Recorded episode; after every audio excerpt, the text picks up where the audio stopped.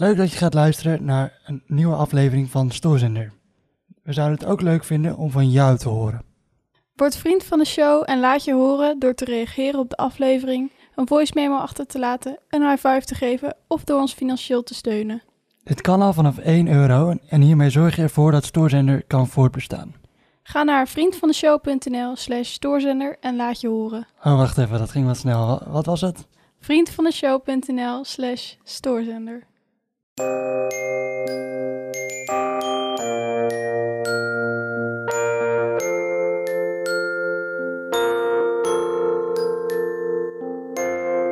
Hoi, welkom bij Stoorzender, de podcast over mentale gezondheid.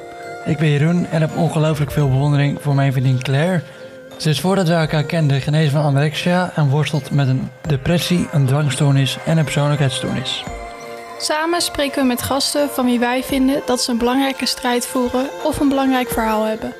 Voordat we naar het hoofdonderwerp van deze week gaan, geven we graag even een update hoe het met de podcast gaat. Ja, ik heb de afgelopen weken heel veel portretten getekend, besteld door de luisteraars. Superleuk. We beloofden hierbij dat al het geld weer naar de podcast zou gaan. En dat is ook gebeurd, want we hebben twee microfoons kunnen kopen. Yes, dat zijn deze microfoons. Die nu, eh, waar je nu, hopelijk klinkt de podcast ook echt beter trouwens. En daar zijn we heel erg dankbaar voor. Echt geweldig dat we dit hebben kunnen doen. Ehm, we hebben er direct profijt van gehad. We hebben namelijk exclusief voor Facebook en Instagram een video-interview gemaakt met dwangexpert Menno Oosterhof. En we zijn van plan om vaker dit soort dingen te doen. Te doen.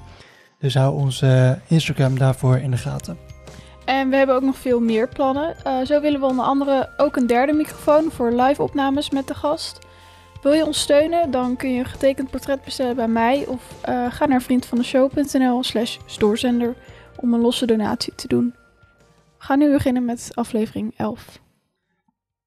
Wat kun je doen als je kind zichzelf beschadigt? Hoe zorg je ervoor dat je jezelf niet meer pijn gaat doen? In deze aflevering gaan we het hebben over zelfbeschadiging.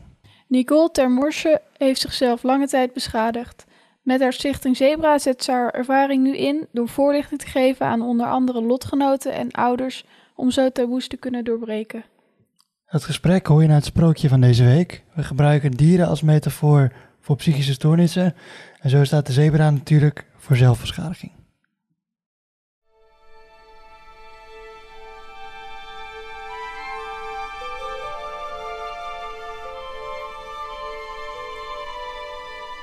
Nicole had vroeger een paardje, net als iedereen in haar klas. Zij en haar klasgenootjes gingen allemaal met het paard naar school. Totdat er op een dag iets ergs gebeurt met Nicole. Ze heeft geen idee hoe ze met deze heftige gebeurtenis om moet gaan. Nicole's witte paardje krijgt steeds meer strepen.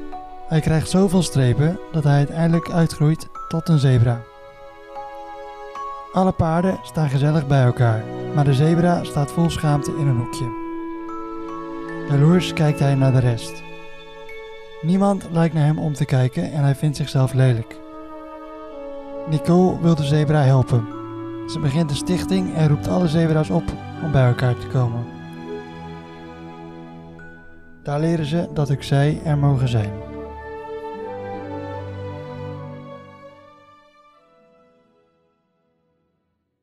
Welkom Nicole, leuk dat je te gast wil zijn. Ja, dankjewel. Eh, Het is altijd een beladen onderwerp, zelfbeschadiging. Eh, ik merk zelf in onze relatie dat ik het, dat ik het er al heel moeilijk mee heb. Eh, maar voor jou moet het, moet het, is het dagelijkse kosten. Lijkt me een heel moeilijke baan om het hierover te hebben elke dag. Ehm, nou ja, ik heb er natuurlijk zelf mee te maken gehad. eh, vanaf, eigenlijk vanaf redelijk jonge leeftijd tot mijn 23ste. Eh, dus in die zin ja, ben ik wel gewend dat het een onderdeel van mijn leven is. Eh, Ik moet wel zeggen dat toen ik er net mee begon, ik wel een beetje bang was. eh, hoe gaat het dan in mijn eigen herstel doorwerken? Eh, ik was al een paar jaar vrij van zelfbeschadiging toen ik hiermee begon.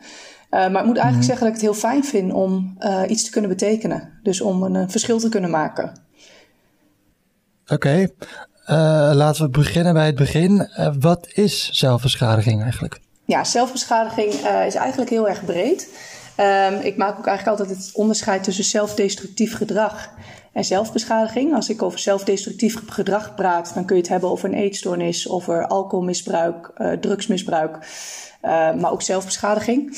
En als ik het over zelfbeschadiging heb, dan heb ik het over het toebrengen van letsel aan het eigen lichaam. Uh, dat kan zowel extern zijn. De meest bekende varianten zijn natuurlijk krassen, snijden, branden. Uh, maar dat kan ook uh, bijvoorbeeld het um, inslikken van middelen of voorwerpen zijn. Of bijvoorbeeld het toebrengen van blauwe plekken of kneuzingen. Dus dat zijn de minder opvallende vormen. Um, die ook vaak een beetje onder de radar blijven. Maar het gaat dus om jezelf pijn doen. Um, en dan eigenlijk ook in een herhalend patroon. In de zin van dat het eigenlijk altijd gebeurt in dezelfde situatie. Uh, dus bijvoorbeeld als je spanning hebt, vaak is het gerelateerd aan emoties. Als je spanning hebt, als je herbelevingen hebt, als je boos bent, als je verdrietig bent, uh, mm-hmm. als je je heel leeg voelt. Maar het is dus een, een copingstrategie, een overlevingsstrategie om om te gaan met iets wat heel moeilijk of heel pijnlijk is. En vaak gaat het gepaard met psychisch, uh, een psychische kwetsbaarheid. Ja.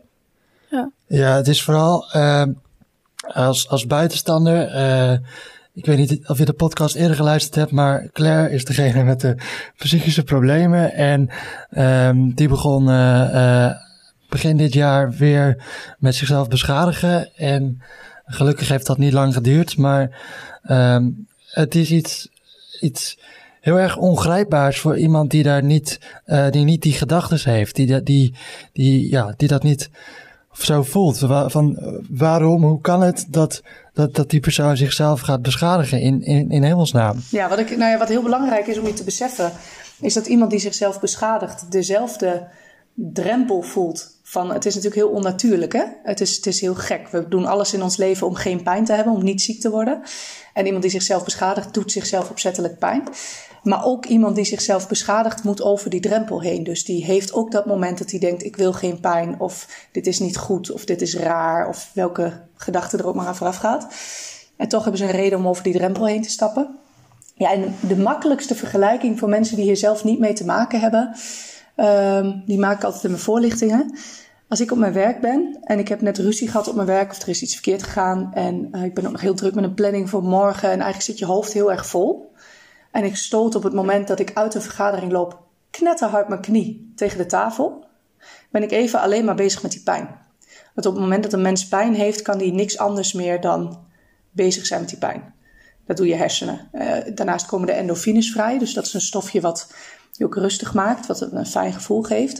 Uh, en eigenlijk is dat een natuurlijk stofje om je uh, in de natuur van vroeger uit te redden. Om je rustig te houden, te zorgen dat je niet in, de, in de adrenaline schiet.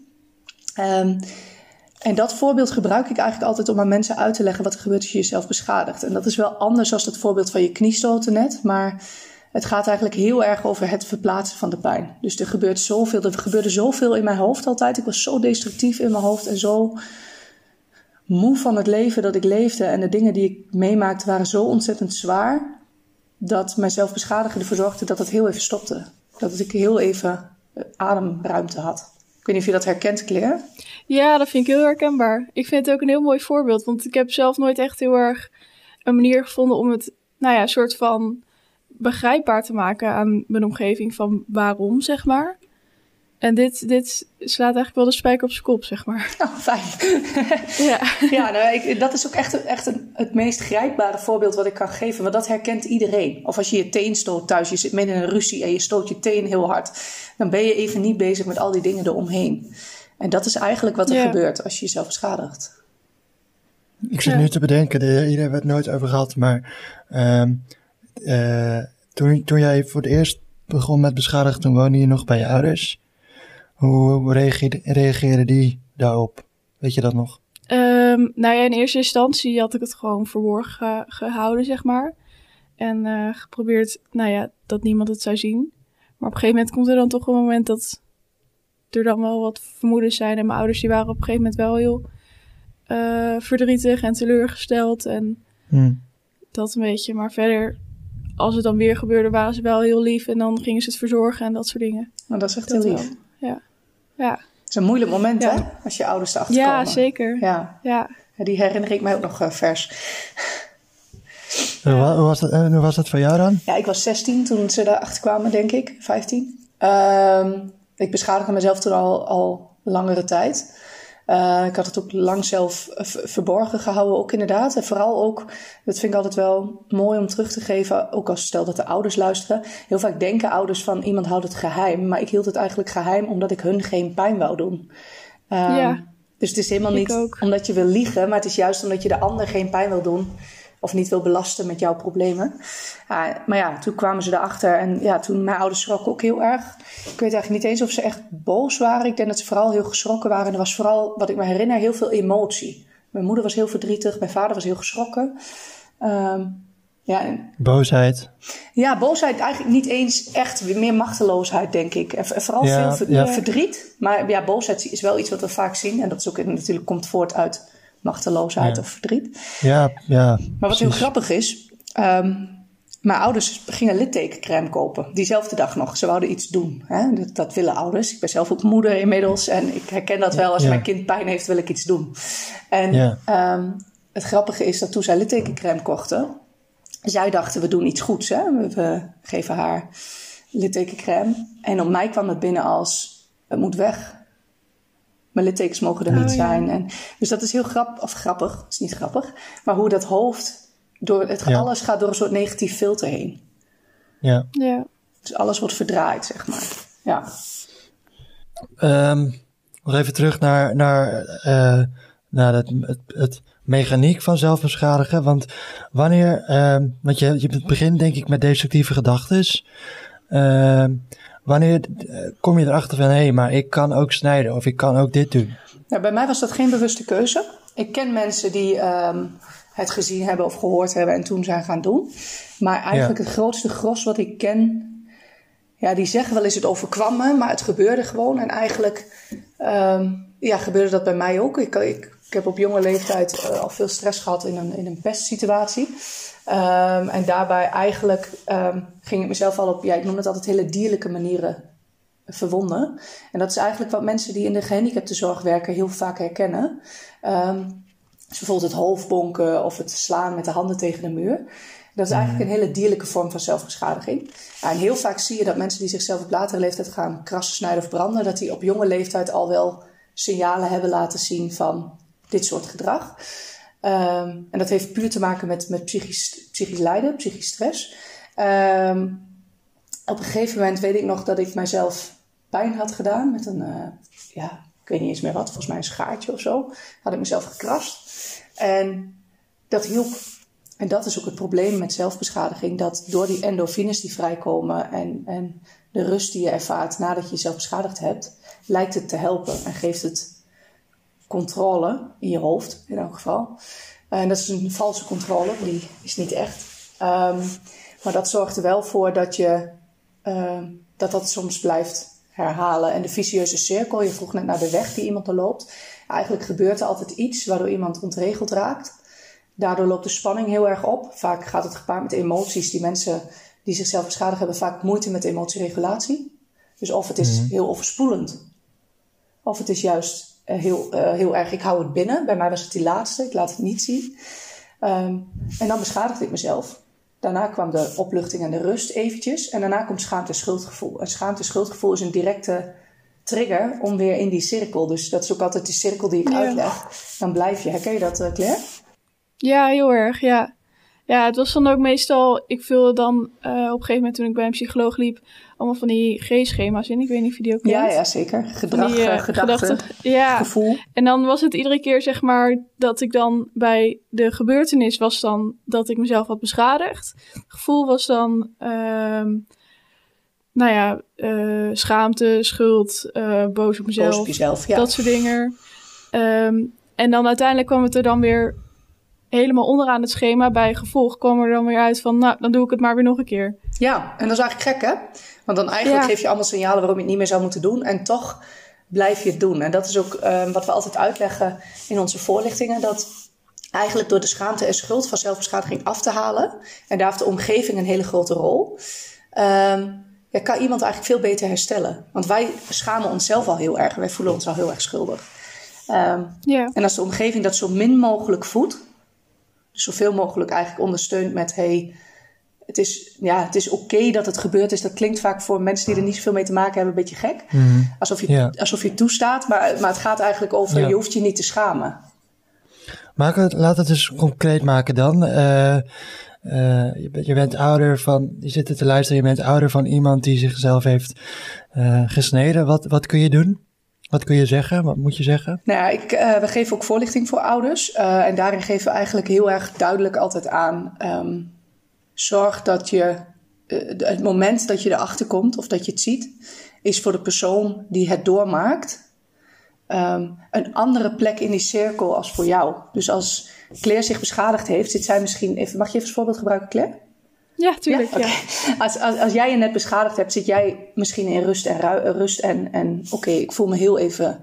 Maar stel dat jij dan heel paniekerig zou reageren met: Oh, wat verschrikkelijk en het is weer gebeurd en hoe kan dat nou? Hoe kun je dat nou doen? En je had gezegd dat je het nooit meer zou doen. Wat heel natuurlijk is voor jou, want jij schrikt. Dat was precies mijn eerste reactie, inderdaad. ja. elke ouder hoor, echt elke ouder. Maar wat er dan gebeurt is dat eh, onbewust trigger je dan heel erg schaamte en schuldgevoel. En ehm, dan blijf je eigenlijk samen in dat cirkeltje lopen. Dus ik zeg altijd tegen ouders, probeer zelf dat cirkeltje te doorbreken door je te beseffen dat die persoon die dat net gedaan heeft eigenlijk even rustig is. En dat ook een moment is dat je heel goed kan praten. Want ik weet niet hoe dat voor jou is, Claire, maar als ik mezelf net beschadigd had vroeger, kon ik eigenlijk best wel goed uitleggen hoe het gekomen was. Ja, klopt. Ik had dan wel echt dat het dan twee seconden was even rust. En dan daarna was het eigenlijk wel gelijk schaamte, zeg maar. Maar eh, nou ja, als mijn ouders er dan achter kwamen en het was echt net gebeurd, dan kon ik er wel inderdaad heel goed over praten. Ja, veel Wat, beter je ouder- wat zeiden je ouders dan? Ehm, weet ik niet zo goed meer eigenlijk. Maar ik weet nog dat ik op een bepaald moment. eh, nou ja, was ik er wel vrij open over. En dan ging ik ook wel gewoon echt naar mijn ouders toe ermee. Van het is weer gebeurd. Wat Het mooi. gaat niet zo goed, zeg maar. Maar volgens mij heeft het ook maar heel kort geduurd dat, eh, dat ik dat kon doen. Maar ja, dat hielp wel heel erg. Hm. Ja. Ja, en wat het ook is eh, voor ouders zeg ik altijd van... ehm, volg eigenlijk ehm, het tempo van je kind. Dus ga niet over grenzen. Heel vaak zie je bijvoorbeeld dat ouders zeggen... als ze erachter komen, mag ik het zien? Terwijl je wonden en je littekens laten zien... eigenlijk heel moeilijk is voor iemand die zichzelf beschadigt. Ehm, terwijl ik het bijvoorbeeld veel ehm, mooier vind... als je het tempo van je kind volgt. Dus zegt, goh, ik vind het heel erg na dat je dit doet. Mocht er een moment zijn dat je hulp nodig hebt... ehm, mag je altijd bij me komen... Ehm, uh, maar ook wees een ouder en geen hulpverlener. Ja, en word niet grenzeloos. Dat is misschien wel de allerbelangrijkste. Wat je heel vaak ziet is dat ouders, zodra een kind een psychische kwetsbaarheid heeft... en het hoeft geen zelfbeschadiging te zijn... zie je bijvoorbeeld ook bij eetproblematiek of andere uh, psychische aandoeningen, uh, depressie... dat ouders heel erg, vooral de rest van de kinderen... Ten opzichte van de rest van de kinderen, uh, heel erg gaan ontlasten. Nou, Claire hoeft haar kamer niet meer op te ruimen, want Claire zit niet zo lekker in de vel. Hè, weet je, dat. En um, tegelijkertijd, bijvoorbeeld mijn ouders zeiden op een gegeven moment... we gaan hulp zoeken. En ik zei, nee, dat wil ik niet. En toen is er uiteindelijk geen hulp gekomen, de eerste paar jaar. Um, en daarmee zeg ik altijd wel van, weet je... mijn ouders hadden op dat moment eigenlijk wel um, wat meer mogen begrenzen... door te zeggen, we gaan hulp zoeken, maar waar en hoe en wie, daarin heb je een stem. Maar ik was Ja. 15, dus eigenlijk um, zeg ik ook altijd tegen ouders van het blijft wel een kind. Zeker als ze minderjarig zijn, mag je echt wel um, duidelijk aangeven, we gaan hulp zoeken. Want als jouw kind een been gebroken heeft en die zegt, maar ik wil niet naar het ziekenhuis, dan zeg je ook niet, oké. Okay. Nee, dan zeg Nee, je ook, precies. we gaan naar het ziekenhuis en ik blijf bij je en ik hou je hand vast. En als je gegipst moet worden, gaan we samen kijken Ja. welke kleur gips. Maar we gaan wel naar het ziekenhuis. En dat is Want het is eigenlijk wel, het is wel degelijk een, een ziekte eigenlijk. Het is, ja, het is uh, inmiddels geloof ik in het DSM ook een eigen diagnose. Non-suicidal Ja. self-harm. NSSI. Um, maar uh, het is een... Ja, eigenlijk is het een symptoom van een ziekte. Want er is natuurlijk altijd iets anders ook aan de hand. ja, ja. Het is nooit alleen zelfbeschadiging. Maar je bent, ja, je bent wel ziek als je te maken hebt met zelfbeschadiging. En Ja. uh, psychisch ziek is nog steeds anders ziek dan fysiek ziek in Nederland, helaas. Uh, voor de meeste mensen. En ik probeer altijd het, het voorbeeld naar um, lichamelijke dingen te trekken. Omdat het daarmee voor mensen veel snapbaarder wordt. Ja. Laten we het eens omdraaien, want we hebben dus, dat heb je gezien, op Instagram hebben we de vraag gesteld van, uh, we spreken met uh, Zebra deze week. Heb je nog vragen? Nou, daar zijn heel veel vragen cool. binnengekomen. We hebben nog nooit zoveel uh, vragen binnengekregen. En ja, je merkt gewoon dat het echt wel een, een topic is. En heel veel vragen ook anoniem. Daarom hebben we ook voor gekozen om nu geen namen erbij te gaan noemen. Helemaal goed. Uh, gewoon omdat de schaamte daar, ja, is gewoon heel groot. Heel groot, ja. Um, er was, een, er was een, een, meisje die vroeg van, van hoe vertel ik het aan mijn ouders? Ja. Hoe zet je als kind die eerste stap? Nou, allereerst heel, heel dapper als je dat wil gaan doen. Um, ik zeg altijd, had ik maar zelf de stap genomen om het te vertellen en ze er niet achter laten komen. Ik zie Claire knikken. um, ja. Ja. Herkenbaar wel, maar ik, ik had denk ik geen idee hoe ik dat nee. ooit aan ze had kunnen vertellen. Nee, want bij mij kwamen ze ook achter, omdat ik het eigenlijk niet zelf durfde te vertellen. En de voornaamste motivatie voor mij om dat niet te doen was dat ik hun niet wou belasten en hun niet wou pijn doen. Maar eigenlijk heb ik ze veel meer pijn gedaan door zo lang het alleen te doen. Daarnaast, als je het alleen doet, kunnen ze je ook niet helpen. Dus Um, ik snap dat Door het te laten zien vraag je om hulp eigenlijk. Nou ja, door, door uh, in elk geval te vertellen: Goh, ja. papa, mama, ik, ik voel me niet, ik zit niet lekker in mijn vel. En um, weet je, het kan heel erg helpen om, om het een beetje voor te bereiden. Van, goh, ik kan me voorstellen dat jullie hier heel erg van gaan schrikken. Maar ik heb liever dat ik het jullie zelf vertel dan dat jullie het zien. En ik wil heel graag dat jullie me helpen. Um, maar ik doe mezelf soms opzettelijk pijn. Of ik beschadig mezelf soms. En het enge is dat ouders daarop gaan reageren. Dus die kunnen inderdaad boos worden, verdrietig worden. Um, maar heel vaak zien we dat na de periode, of je het nou zelf verteld hebt of dat je ouders erachter gekomen zijn, uh, nadat even de ergste schrik voorbij is, zie je heel vaak dat het contact juist veel nauwer wordt, omdat je ouders je ook echt kunnen gaan helpen en je mee kunnen kijken van goh, waar kunnen we hulp voor je zoeken en um, stel je moet bijvoorbeeld een keer een, een verwonding heeft verzorging nodig, of dat nou thuis is met zeg maar verband of dat je toch een keer naar een dokter moet dan ben je ook niet alleen. Dus um, het belangrijkste is denk ik om het te bespreken. Nou, als je het heel spannend vindt om te vertellen, zou je misschien er ook voor kunnen kiezen om het um, met iemand te vertellen. Dus bijvoorbeeld om de vertrouwenspersoon op school. Uh, het eerst is te vertellen als je dat minder spannend vindt, of je mentor. En om het dan samen met die persoon aan je ouders te vertellen, of een, een tante die je heel erg lief vindt. Um, ja, en je kan het ook nog opschrijven. Dus je kan ook nog een briefje maken en het daarop opschrijven. Uh, of tegenwoordig appje, hè? ik ben al wat ouder. Uh, je kan ook appen, of, of, uh, maar in elk geval om een soort van opening te creëren. Ja, en dat moment is heel spannend, dat is echt heel erg eng. Maar ik weet dat echt heel veel mensen het oplucht als het eenmaal besproken is. Ja. ja. Hoe klinkt dat voor jou? Ja, ik had dat moment van opluchting had ik ook wel heel erg ehm, het was dan dat ze erachter kwamen. Maar toen had ik ook wel een beetje het idee van... oh, dus ik hoef het niet meer zo uh, angstvallig weg te stoppen... en uh, nou ja, te verbergen eigenlijk. Het mag er nu gewoon zijn, want ze weten het toch al. Ja, en, en heel veel ouders... En dat vond ik eigenlijk wel fijn. Ja, en heel veel ouders snappen het niet zo goed. Um, uh, dus, dus dat maakt het soms een beetje eng om te vertellen... omdat ouders dan meteen ja. een beetje in de paniekstand schrikken, gaan... Um, maar wij bieden bijvoorbeeld bij de stichting ook online uh, ouderavonden, waarbij ouders gewoon wat informatie krijgen eigenlijk. En heel vaak zie je dat. Um, ik, ik, heb bijvoorbeeld heel vaak, en dat weten die ouders niet, maar dat ik ouders heb en die vertellen mij een verhaal. En dan denk ik, volgens mij ken ik jouw zoon of dochter via via. Maar die weten dat dan niet van elkaar. En, en tegen ouders die dus wel bij een ouderavond komen, die vermoeden al iets of die weten al iets, maar vaak is het vermoeden. En daar zeg ik ook altijd tegen, vraag het gewoon. Stel de vraag, wees open, wees nieuwsgierig. Nou, en hetzelfde geldt eigenlijk als je het je ouders wil vertellen.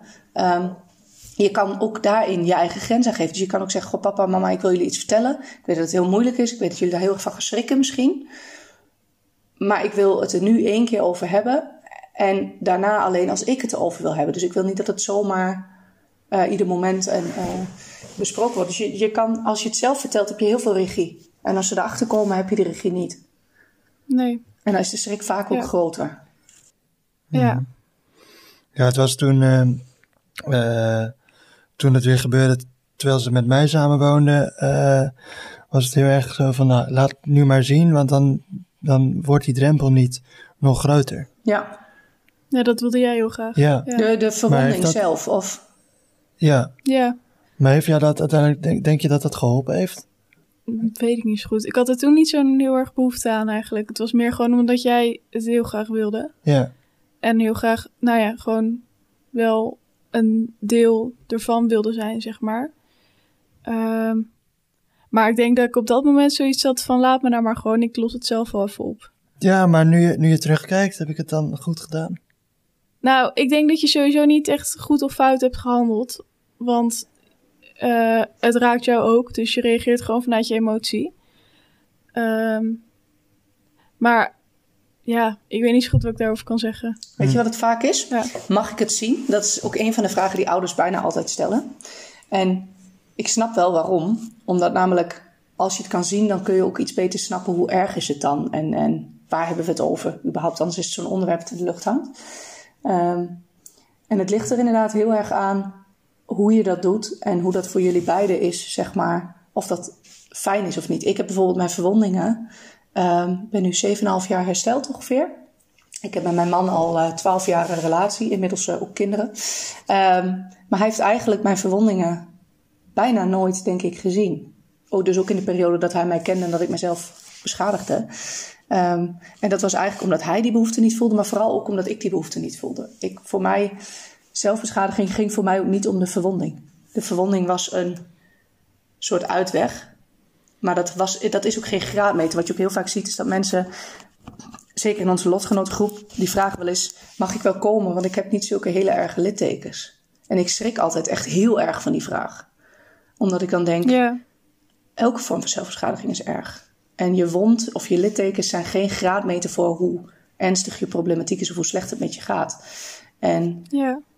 Dat herken je denk ik heel erg. Ja, heel erg. Ja, ik heb ook op een bepaalde behandelgroep gezeten. En daar was ook de regel dat als je zichtbare littekens had, dat je dan lange mouwen aan eh, moest Oh. hebben.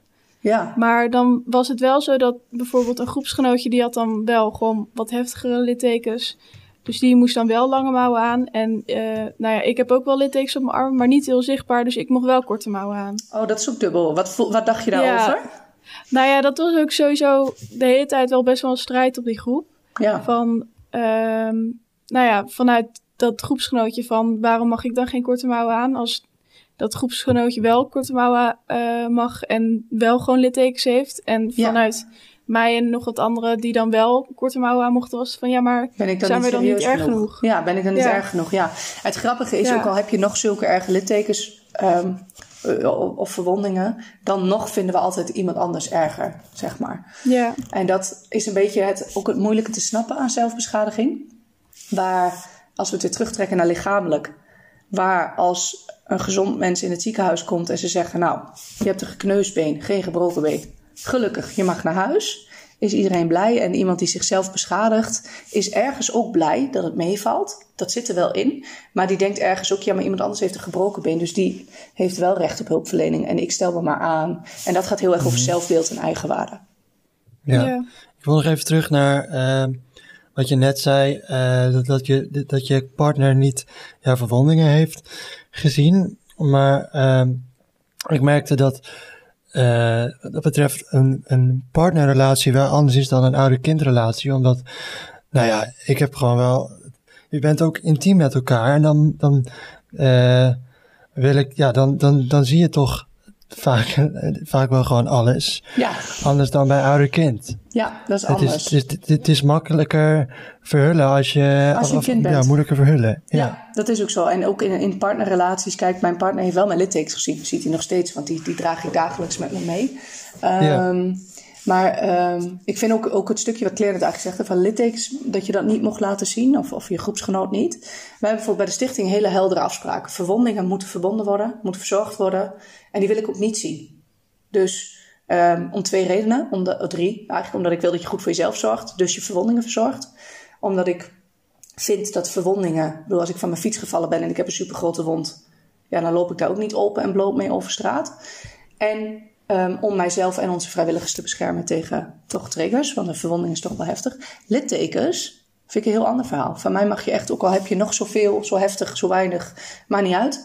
Ehm, zodra je verwonding genezen is en je hebt een litteken, is die, mag die van mij zichtbaar zijn. Daar mag je mee oefenen, want dat is heel erg spannend. En En misschien dat ik je daar net een beetje mee op verkeerd spoor heb gezet. Maar mijn partner heeft dus wel mijn littekens, die ziet hij. Die heeft hij ook gezien toen ze net hersteld waren. Maar mijn verwondingen, die, ja, die had ik altijd wel um, verbonden of bedekt. Um, maar inderdaad, in een oude kindrelatie, uh, ja, op een bepaalde leeftijd loop je niet meer bloot door huis. En, en gaat de badkamerdeur op slot. Dat is ook heel gezond in de puberteit.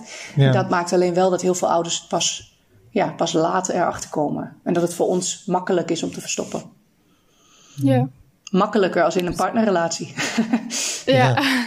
Ja. we hadden het net al eventjes over het taboe van uh, littekens bedekken of niet. Want uh, ik denk dat dat wel heel erg de onderliggende, wat nog, nog steeds heel erg onderliggend is in dit thema. Dat is dat er een enorm taboe op heerst en schaamte.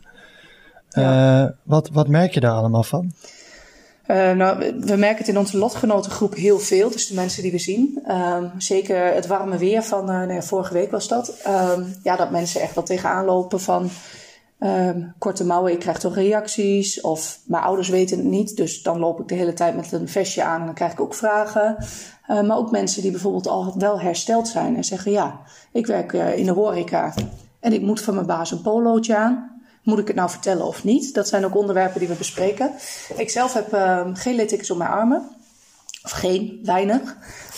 Ik heb de meeste littekens op mijn bovenbenen zitten. En dat maakt het, ja, ik zeg altijd, ik, ik, ik vertel altijd veel over je mag je littekens gewoon laten zien en ze mogen er gewoon zijn. Maar eigenlijk ben ik zelf een beetje een littekenpoesie. Uh, want ik loop niet zo heel vaak in de korte broek. Um, en dat heeft er eigenlijk mee te maken dat ik het heel fijn vind dat mensen eerst mij leren kennen en dan pas mijn verleden. En kijk, het werk wat ik doe, of het vrijwilligerswerk wat ik doe voor de stichting, maakt al dat heel veel mensen die link wel leggen. Uh, maar toch vind ik het fijn dat als ze met me aan het praten zijn, dat ze mij zien en niet direct mijn littekens. Uh, dus dat is ook wel eens een tip die ik geef aan mensen met, nou ja, vooral als het warme weer er straks weer aankomt, om een, ja, ik noem het altijd een plan B. Ik loop wel in zijn korte broek en ook wel in bikini. Um, maar ik heb altijd een plan B bij me. En dat is eigenlijk ja, of een rokje die ik te snel uh, uh, op het strand bijvoorbeeld overheen kan doen. Of een handdoek die ik er omheen kan slaan. Nou, en als je littekens op je armen hebt, zou je kunnen zeggen... nou, ik ga proberen om vandaag in mijn t-shirt te gaan. Maar ik neem wel een vestje mee. Want wat je heel vaak ziet is dat mensen die zichzelf beschadigen... heel streng zijn voor zichzelf. Dus wat er gebeurt is dat ze zeggen: ja, maar ik moet gewoon in korte mouwen kunnen. En die reacties die verdien ik ook. En, maar dat is eigenlijk geen goede zelfzorg.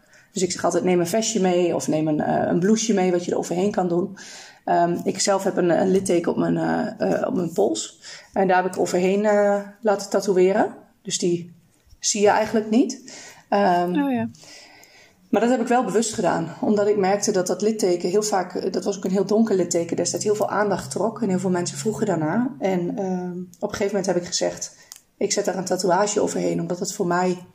Voor mij is dat fijn. Um, ja. Oh, ja. Maar dat is dus echt heel persoonsafhankelijk. De een zegt, ik ga nooit in korte mouwen over straat. Want ik heb littekens mm. op mijn armen. En de ander zegt, ja, zodra het eigenlijk hersteld is... heb ik eigenlijk ook gewoon net het recht om in een, in een t-shirtje over straat te kunnen. Ik vind het altijd heel dapper. Als ik mensen zie met littekens, ik, ik heb daar echt diep respect voor. Dat je dat probeert. Ja. Het is heel spannend om te doen. Ja, ben je, jij bent gisteren uh, uh, voor het eerst op een nieuwe baan geweest. Hebben we nog niet verteld in de podcast, maar... Um, dan heb je dus een nieuwe persoon die, want je hebt de korte mouw gewerkt, toch? Ja, klopt, ja. Die, die littekens ziet. Ben je er nog bang voor dat, dat die persoon, dat die persoon iets, daar iets van denkt of er iets van zegt? Nou ja, het scheelt bij mij heel erg dat het op mijn armen gewoon niet zo zichtbaar is. Um, want dit is dan ook een baantje in de horeca, zeg maar. Ja. Um, en ik heb hiervoor heb ik een half jaar gewerkt bij een ander baantje. En daar uh, kwam eigenlijk pas na vijf maanden of zo zijn collega... hey, wat is dat op je armen? Terwijl ik al de hele tijd in korte mouw heb gewerkt, zeg maar. Dus en dan dat... zeg je, ik ben voorover in een struiken gevallen. Nou, nee, tegen haar was ik er wel gewoon open over. En ze wist het ook allemaal wel een beetje. Um, ja, maar ik ga wel gewoon in korte mouwen werken. Stoer. Ja. ja, nou ja, ik weet niet. Het, um, het is ook gewoon niet zo heel zichtbaar. Dus mensen valt het eigenlijk bijna nooit op. Nee. Ja, en verder ben ik er ook best wel open over, denk ik. Dus als, er, als ik dan wel vragen krijg, dan... Ja. Ja, ja, ik heb ooit wel eens gedacht van, van zou je er ooit een keer niet door worden aangenomen bijvoorbeeld? Als mensen het zien tijdens een sollicitatiegesprek. Van dit wil ik niet in mijn tent hebben. Gebeurt dat? Heel soms. Um, ik wijs, want vaak komen dat soort verhalen dan wel bij ons terecht. Dat mensen toch zeggen, goh, dit is er gebeurd. kan dat, mag dat eigenlijk al. Dan verwijs ik ze eigenlijk altijd naar het discriminatiemeldpunt. Die heb je in elke stad, zit die. Ehm, en die kunnen je ondersteunen, ook bij eventueel ehm, een rechtszaak zelfs. Want dit mag echt niet. Net als dat je iemand uh, niet mag afwijzen omdat hij een vrouw is. En je toevallig een man zou willen aannemen. Um, Kijk, het is altijd wel heel lastig te bewijzen. dus als iemand in een sollicitatie zit... Uh, en hij wordt niet aangenomen en er wordt niet gezegd het is om je littekens. Ja, dat is heel lastig te bewijzen. Um, ja. Maar ik heb ook meiden gehad die op school niet met korte mouwen mochten lopen. Ja, als het 32 graden is, mag je dat iemand niet verbieden. Je kan er wel afspraken over maken, maar in goed overleg. Je kan niet zomaar zeggen, jij mag geen korte mouwen aan. Nee, en precies. wat mensen daar heel vaak bij vergeten, want ik snap dat heel veel leken dan zeggen... Ja, maar weet je, is ook heftig om te zien. En dan gaan andere mensen ook misschien voor alles van denken of vinden... of vinden het moeilijk om te zien. Um, maar dan zijn er twee dingen aan de hand. En de eerste is, als ik een auto-ongeluk had gehad en ik had daar littekens van, had het dan wel gemogen? Want dat is namelijk, dat vinden mensen anders. Dan is het per ongeluk. Mm. En de tweede is het schaamte en schuldgevoel. Als iemand de keuze heeft gemaakt om in korte mouwen te lopen, is super dapper. Dus als jij dan zegt, het mag niet, dan voed je heel erg weer dat schuldgevoel. Ja, terwijl je die juist eh, meer dan, ja, dat, dat is gewoon, dat is denk ik ook de oplossing. Uh, voor zover je over een oplossing kan spreken, maar haal dat eraf. Ja. Toch? Zowel naar jezelf als naar de ander. Dus voor, voor eventuele mensen die er zelf mee te maken hebben. Dat is echt super moeilijk hoor. Want ik, ik sloeg mezelf ook altijd om de oren als het mis was gegaan. Met uh, nou is het weer misgegaan en ik heb mezelf weer beschadigd. Maar het hielp mij op een gegeven moment wel om echt te denken: het is misgegaan. Maar daar had ik een reden voor en dat is oké. Okay. En ja. die voelt een beetje tegenstrijdig, want dan lijkt het net alsof je er heel erg in meegaat. Maar juist door dat te doen, ging schaam schuldgevoel af en kwam ik niet steeds opnieuw in dat cirkeltje. En nou met heel veel therapie uiteraard uh, herstelde ik. Ja, want er was nog iemand in, in de uh, DM's die op, op stories en op Instagram die een vraag stelde die eigenlijk heel erg uh, pijn deed om te zien. Van, die, die, die zei van, ik probeer alles, maar toch gaat het elke keer weer mis. Wat, wat doe ik verkeerd? Oh, wat zielig. Nou, ik denk sowieso, ja, zielig niet in de vorm van zeg maar, ik, ik vind dat heel erg... Het is heel schrijnend. Ja, ik vind dat heel erg om te horen. En vooral ook omdat er heel veel zelfveroordeling in zit. Wat doe ik verkeerd? Ja. Um, Ik denk dat je niks verkeerd doet. Ik denk alleen dat je nog niet het juiste hebt gevonden wat voor jou werkt. Um, bij mij was... Wat zijn dingen die kunnen werken? Ja, nou bij mij uh, therapie sowieso. Dus even in de basis zoek hulp. Uh, want je hebt echt hulp nodig als je hiermee te maken hebt. Maar dan nog zien we heel vaak dat mensen nog langdurig zichzelf blijven beschadigen... voordat er weer een beetje uh, nou ja, licht aan de horizon komt qua herstel. Um, wat voor mij heel erg werkte... Ik heb heel erg moeten leren... Ah, waar komt mijn zelfbeschadiging vandaan? Waarom doe ik dit? En wat levert het me op? Um, ik heb heel erg moeten zoeken naar niet de alternatieve lijstjes van internet die er zijn met elastiekjes en ijsblokjes. Dat werkt allemaal wel, maar dat zijn ook manieren om jezelf pijn te doen. Daar ben ik zelf geen voorstander van. Ik ben heel erg. Nee, maar, ja? Het, um, het, nou ja, uh, ik heb liever dat mijn kind dat doet dan dat hij uh, een blijvend litteken heeft. Uh, klopt, alleen psychologen maar zeggen dat het probleem ook, ja. niet weg. Ja, ja, zeg eens. Nou, je haalt het probleem niet weg. Nee, je verplaatst het probleem. Want je laat nog steeds Ja. je kind zichzelf pijn doen, alleen op een manier die minder schadelijk is. En ik ben het ermee Ja. eens dat als het alternatief is, een ernstige verwonding, dat je zegt, nou, dan doen we een ijsblokje proberen of om het uit te stellen. Uh, maar ik Ja. ben veel meer voorstander van, ja, ik noem dat zelf tegengesteld handelen. Dat is een term uit de eh, DGT. Dat is een eh, therapievorm. Um, maar dat is heel erg kijken naar waar ligt mijn behoefte nu? En komt die behoefte vanuit mijn gezonde kant, of ja, ik noem het altijd mijn zieke kant. Dat is niet een hele positieve term. Maar um, dus bijvoorbeeld. Het zet het wel lekker uit elkaar. Ja, dat is lekker zwart-wit. Ja. Hou ik van. Um, bijvoorbeeld. Zebra. ik ben, ja, precies, strepen. um, bijvoorbeeld, ik ben heel onrustig. En ik kom thuis van mijn werk en ik merk dat ik heel gespannen en onrustig ben. Mijn eerste behoefte is, ik wil hardlopen. Dat neem ik heel even een momentje, en dat is echt maar drie seconden, om heel even te voelen. Wil ik echt hardlopen omdat het goed voor me is nu? Om gewoon even spanning eruit te lopen. Of wil ik hardlopen omdat ik overtuigingen heb als... Ik ben lui, ik ben dik, ik heb vandaag niet genoeg gedaan. Maar dat kan ook. Als die laatste is, ga ik tegengesteld handelen. Dus wat ik dan ga doen, is ik wil hardlopen, maar ik ga met een dekentje op de bank. En het liefst met chocola en chips. Um, maar er zijn ook momenten dat ik denk, oh, ik ben heel moe van mijn dag werken. Ik wil lekker op de bank met chocola en chips. Ook dan ga ik heel veel bij mezelf stilstaan. Wil ik dat omdat het echt goed voor me is? Of wil ik dat omdat ik eigenlijk me heel passief voel? En, en moet ik juist mezelf even ergens doorheen sleep? Moet ik juist even iets gaan doen? Ehm, dus ik kijk heel erg per situatie. En ja, nou, hulpverleners noemen dat ook wel eens vroeg signaleren. Ehm, wat ik heel erg vroeger deed was signaleren uh, in mijn signaleringsplan in crisis. Dus ik wachtte eigenlijk tot het super slecht ging. En dan trok ik aan de bel, maar dan kon ik al niet meer terug. En wat ik nu doe, is dat ik eigenlijk op het moment dat ik zeg maar opsta en denk... Oh, ik ben eigenlijk wel heel moe. Of ik merk dat ik heel chagrijnig ben. Of ik ben een beetje kriebelig, noem ik dat altijd. Een beetje prikkelbaar. Uh, dat ik even bij mezelf naga, oké, wat kan ik nu doen om me beter te voelen? Dus ik wacht niet totdat ik helemaal in crisis zit, maar ik ga eigenlijk um, veel eerder in mijn signaleringsplan, eigenlijk op het moment dat er nog niks aan de hand is, kijk ik wat ik daaraan kan doen. En soms is dat uh, letterlijk in mijn agenda een dag vrij plannen, of uh, soms is dat um, even al die sociale afspraken die ik heb even afzeggen en mezelf gunnen dat ik een avond helemaal niks heb. En de andere keer is dat juist een vriendin bellen zodat ik niet alleen ben. Dus ik kijk echt heel erg per situatie. Ja, en je moet met je, met je hulpverlener echt op zoek naar waarom doe ik dit en welke alternatieven heb ik ervoor. Ik heb nog steeds af en toe drang. En dat vinden mensen niet altijd leuk om te horen. Ik ben 7,5 jaar hersteld en ja, ik heb af en toe nog drang. Um, mm. Ik beschadig mezelf niet. Is dat normaal? Uh, verschilt. Ik ken mensen die zeggen, nou, dat heb ik echt nooit meer. Ik heb het ook drie jaar lang niet gehad. Uh, ik ben sinds twee jaar weer aan het werk met een uh, stukje resttrauma, PTSS. Ja, en toen kwam er toch af en toe weer drang omhoog. En dat is natuurlijk heel erg gerelateerd aan de periode waarin ik begonnen ben met mezelf beschadigen. Mm. Um, maar ik val niet terug en ik ben ook niet bang voor een terugval. En dat heeft er vooral ook mee te maken dat ik ook dat er laat zijn. Want heel vaak zie je dat mensen drang voelen, of de behoefte om zichzelf te beschadigen, of suicidale gedachten hebben. En daar heel boos om worden op zichzelf. En wat ja. ik doe, is dat ik het me eigenlijk soort van toesta. Ik, ik, ik, het is er. Ik zie het altijd als een, zo'n regiekamer van de, van de RTL 4, zeg maar, met allemaal van die schermpjes.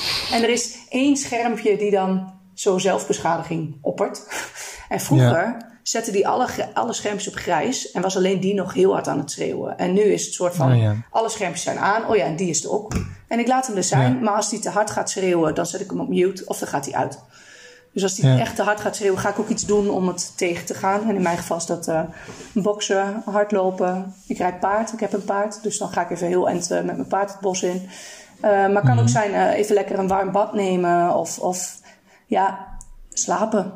Als het echt, weet je, drang uitzit, is de makkelijkste manier en ook de lastigste manier. Maar uitstellen, uitstellen, uitstellen en het gaat vanzelf weg, want drang blijft niet op zijn top. Ehm, dus proberen dat moment te overleven zonder zoveel, zo, met zo min mogelijk schade. Uh, en dan zie je dat het weer afzwakt. En je merkt het als cliënten, uh, patiënten uh, en vooral jonge mensen, vooral mensen in de puberteit, dat een paar keer ervaren hebben dat ze dat kunnen. Want heel vaak zit, als je daar middenin zit, voelt het alsof het nooit meer overgaat. En dat voelt echt zo. Maar het gaat wel over. Dus als je een paar keer bereikt hebt dat, je, dat het niet misgaat dan, en die succeservaring hebt, dan merk je dat het steeds beter gaat.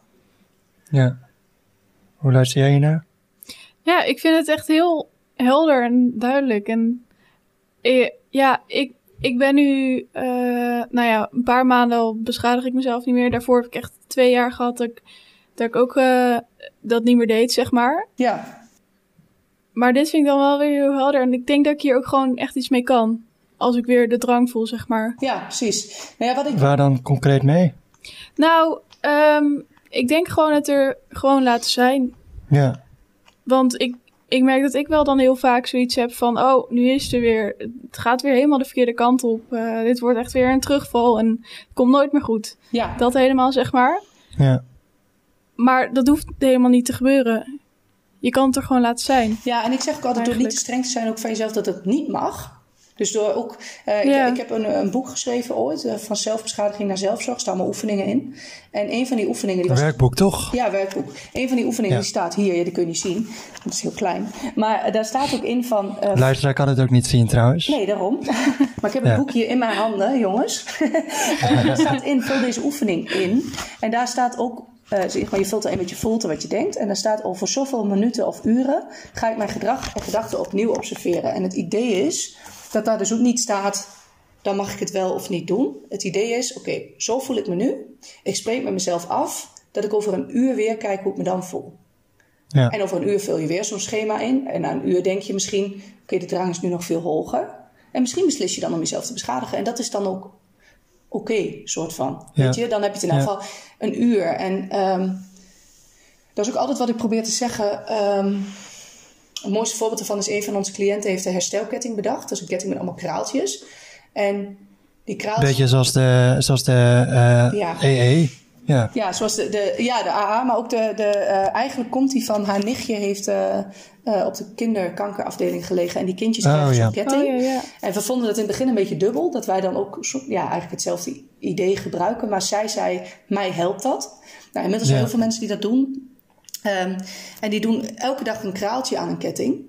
En een gekleurd kraaltje bijvoorbeeld voor een mooie dag. Um, een zwarte kraal voor zelfbeschadiging of destructief gedrag. En een witte kraal voor dat het super moeilijk was, maar dat je het niet gedaan hebt. Dus dat je heel veel drang had, maar het niet gedaan hebt. En oh ja. wat ik daar heel mooi aan vind, is dat je, um, Marja heeft dat bedacht, um, dat zij ook begon te zien, en inmiddels dus veel meer mensen, dat die lijn met witte. Ja, je visualiseert het. Ja, en je, visualiseert vooral ook dat die ene zwarte kraal, wat wat lotgenoten doen, wat, wat zeg maar cliënten, mensen die hiermee te maken hebben, doen, is zeggen: Ik ben teruggevallen. En dan is het helemaal mis en fout en nul. En, terwijl hmm. eigenlijk, ook al, al heb jij tien dagen jezelf niet beschadigd en dan jezelf wel beschadigd, zijn dat tien dagen dat je fucking hard, sorry voor de bewoording, fucking hard gewerkt hebt. Um, dus, en als het een keer daarna 15 dagen zijn en dan 20 dagen, ga je heel erg inzoomen op de tussenliggende periode. Dus op de goede dingen die je hebt gedaan en niet op dat ene terugvalmoment. En dat is eigenlijk wat ik mensen ook altijd adviseer. Ook bijvoorbeeld dagen tellen is iets wat heel veel mensen doen. Helpt ook heel veel mensen, heb je ook apps voor. Alleen wat daar het nadeel is, is als je dan terugvalt, sta je weer op nul. En het zou heel mooi zijn als je eigenlijk soort van door kunt tellen met... ik heb mezelf nu 10 dagen niet beschadigd. En de volgende keer was het 15 dagen. Dus dat het niet is, ik sta weer op nul. Ja. Ja.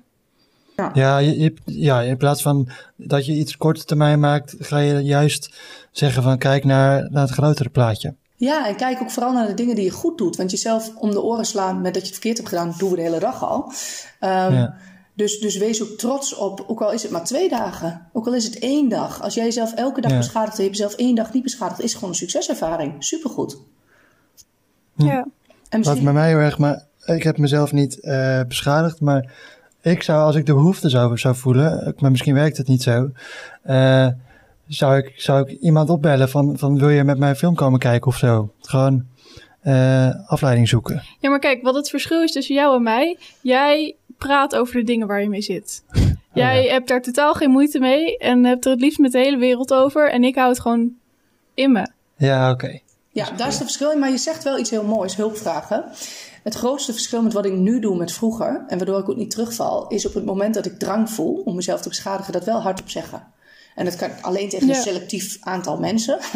um, en kiest die ook vooral uit, denk ik? Ja, in het begin van de coronatijd was voor mij dat ik best wel even begon te schommelen in mijn stemming. Um, er viel veel werk weg en uh, nou ja, ik vond het allemaal toch best wel, best wel anders geworden. En nou ja, ik had het echt wel even wat zwaarder. Mijn hulp viel ook in één keer helemaal weg met mijn therapie.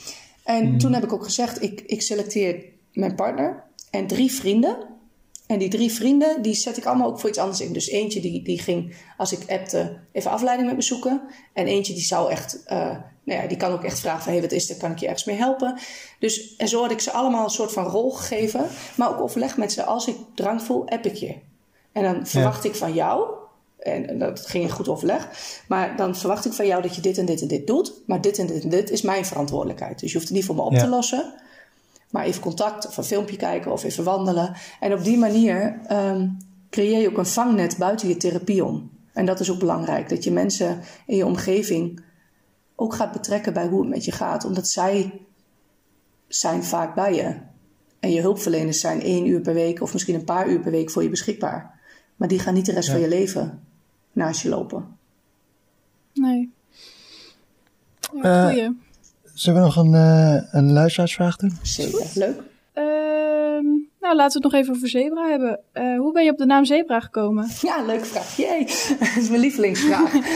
um, zebra, uh, nou ja, allereerst, dat snapt bijna iedereen wel. De, de, het patroon van een zebra-huid is vaak ook de, het patroon, zeker als mensen zichzelf gekrast of gesneden hebben, het achterblijft op de huid van mensen die zichzelf beschadigen. Dus eigenlijk komt het een beetje van de strepen. mijn oudste zoon, die noemt mijn benen zebrabenen, vanaf jongs af aan al. Ehm, ja, vroeger was ik zeg maar wit met paarse strepen en nu ben ik een, een, klein beetje bruin deze zomer geworden met witte strepen. um, maar zebra, de letters hebben ook een belangrijke betekenis. Die staan voor zelfbeschadiging, erkennen, begrijpen, reduceren en accepteren. Ik zeg ook altijd weten zebra, geen sepsa. Niet stoppen, maar reduceren. Omdat ik oh, het belangrijk vind dat mensen hun gedrag onder controle krijgen. Gaan verminderen. En vermindering leidt bijna altijd tot stoppen. Um, maar ik werd zelf altijd een beetje zenuwachtig van de term stoppen. Omdat zelfbeschadiging was voor mij ook suïcidepreventie. Dus op het moment dat hmm. iemand zei je moet stoppen met jezelf beschadigen, dacht ik ja, maar wat gaan we dan doen op het moment dat ik me suicidaal voel? Daarom zebra. Ja, En zebra, de, de, de vier woorden die we gebruiken, dus erkennen, begrijpen, reduceren, accepteren, gaan ook over de vier doelgroepen die we voorlichten. Dus artsen, hulpverleners, um, ouders, naasten en lotgenoten. Hm. Uh, andere goede vraag. Um, heb je het idee dat, dat sinds dat je Zebra begonnen bent, uh, je al iets behaald hebt? Is er al iets, al iets van het stigma rondom zelfbeschadiging af, naar ja, jouw idee? Ja, absoluut. Ik, um, uh, ja, ik, wij, we zijn met, met, met veel vrijwilligers hoor, maar ik doe de voorlichtingen bij de uh, huisartsopleiding, UMCG. Um, uh, voor het UMC Groningen geven we twee keer per jaar aan de huisartsopleiding voorlichting. Ja, en daar zie je bijvoorbeeld dat altijd bij de eerste les die ik binnenkom, ja, zijn er gewoon, ze weten niet dat ik een ervaringsdeskundige ben op, dat, op het moment dat ik binnenkom. Dus ik hoop niet dat ze de podcast luisteren, want ik moet er in oktober doorheen. Um, maar dan merk je dat er best wel veel stigma's en reageren ze ook vaak best wel nou, fel, zoals we best wel van sommige huisartsen ook gewend zijn, uit onwetendheid. Nou, en naarmate ik, ik vertel daar ook mijn ervaringsverhaal, maar ik vertel ook van wat er gebeurt als je bijvoorbeeld iemand zonder verdoving hecht. Want dat zijn echt dingen die er. Maar dat gebeurt, hè? Ja, ja, ik ben zelf ook vaak gehecht zonder verdoving of uitgescholden of weggestuurd, zelfs zonder behandeling. Uh, en dat vertel ik daar ook allemaal. En dat. Je merkt dat op een gegeven moment dat dan die mindset echt wel verandert. Nou, dat is een hele grote verandering. Ik ben afgelopen week bij een kliniek geweest in uh, Vught. Um, en daar ben ik twee jaar geleden ook geweest voor een voorlichting. En nu wouden ze de nieuwe mensen in het team dezelfde training geven. En er was een psychiater die um, ook bij de vorige training was aanwezig. En die zei, die kwam na de tijd naar me toe en die zei: we, we hebben echt dingen veranderd. En hij noemde ook echt veranderingen die ze door hebben gevoerd. Waar het bijvoorbeeld in het begin heel erg was: iemand heeft zichzelf beschadigd. En zodra dat gebeurt is, ja, een soort van praten we er niet meer over of dan moet je niet veel aandacht aan geven.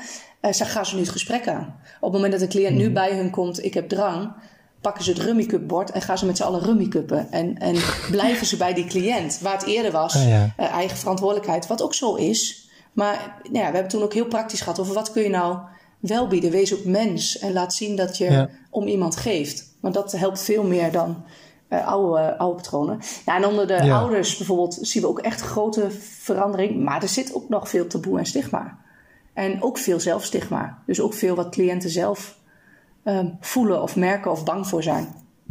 Ja.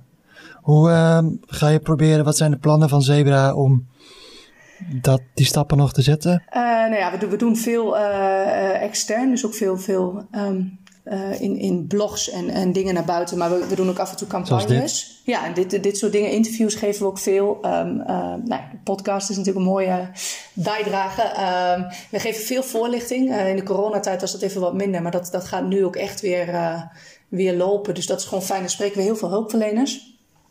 Nou ja, en vooral um, wat we heel erg proberen te doen is naar buiten laten zien dat zelfbeschadiging eigenlijk meer um, Waar eetproblematiek heeft een aantal jaar geleden heel veel stappen gezet. Anorexia was altijd iets van, nou dan wil je dun zijn.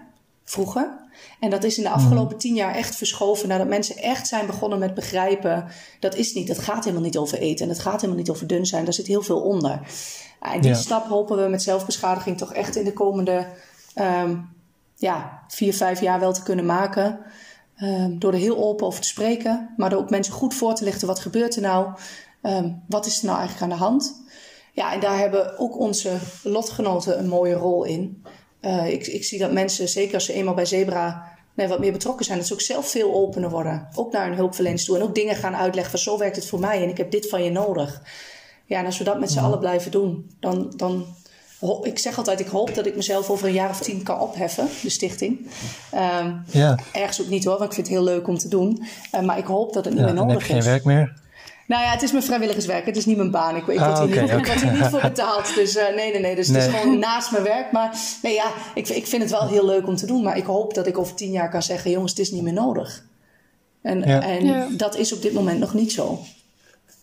Nou, eh, het lijkt mij een mooie om af te sluiten. Je moet bijna naar je therapie. Ja, Eh, nog iets waarvan je zegt, dit hebben we niet behandeld, dit moeten we nog, moet ik nog kwijt.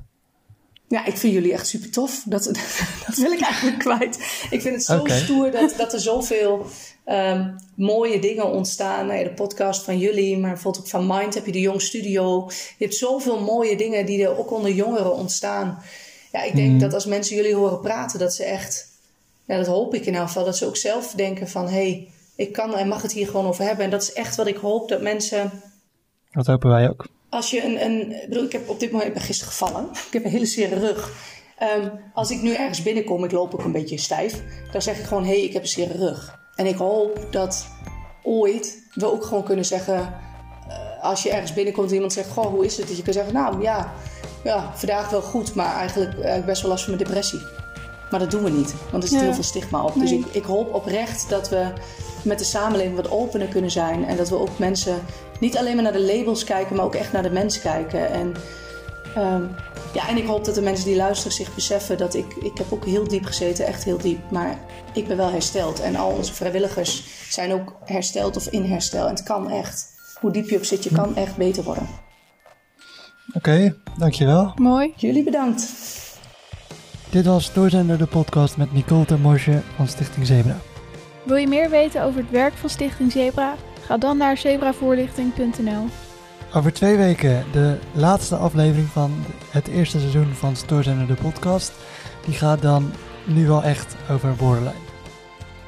Je vindt ons op Facebook, Instagram en Twitter. Het Stoorzender Podcast. Onze website is stoorzenderpodcast.nl. Heb je een iPhone? Dan zouden we het fijn vinden als je een review achterlaat op Apple Podcasts. Hierdoor worden we beter gevonden door nieuwe luisteraars.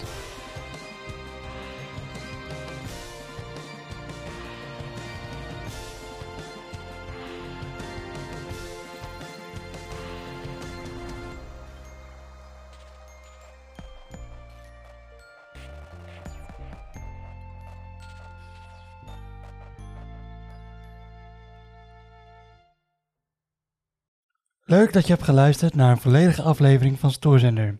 Nu zouden we het leuk vinden om van jou te horen.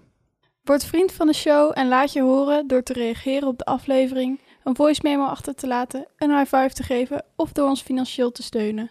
Dit kan al vanaf 1 euro en hiermee zorg je ervoor dat Stoorzender kan voortbestaan. Ga naar vriendvandeshow.nl slash stoorzender en laat je horen. Oh, wacht even, dat ging wat snel. Wa- Wat was het? vriendvandeshow.nl slash stoorzender.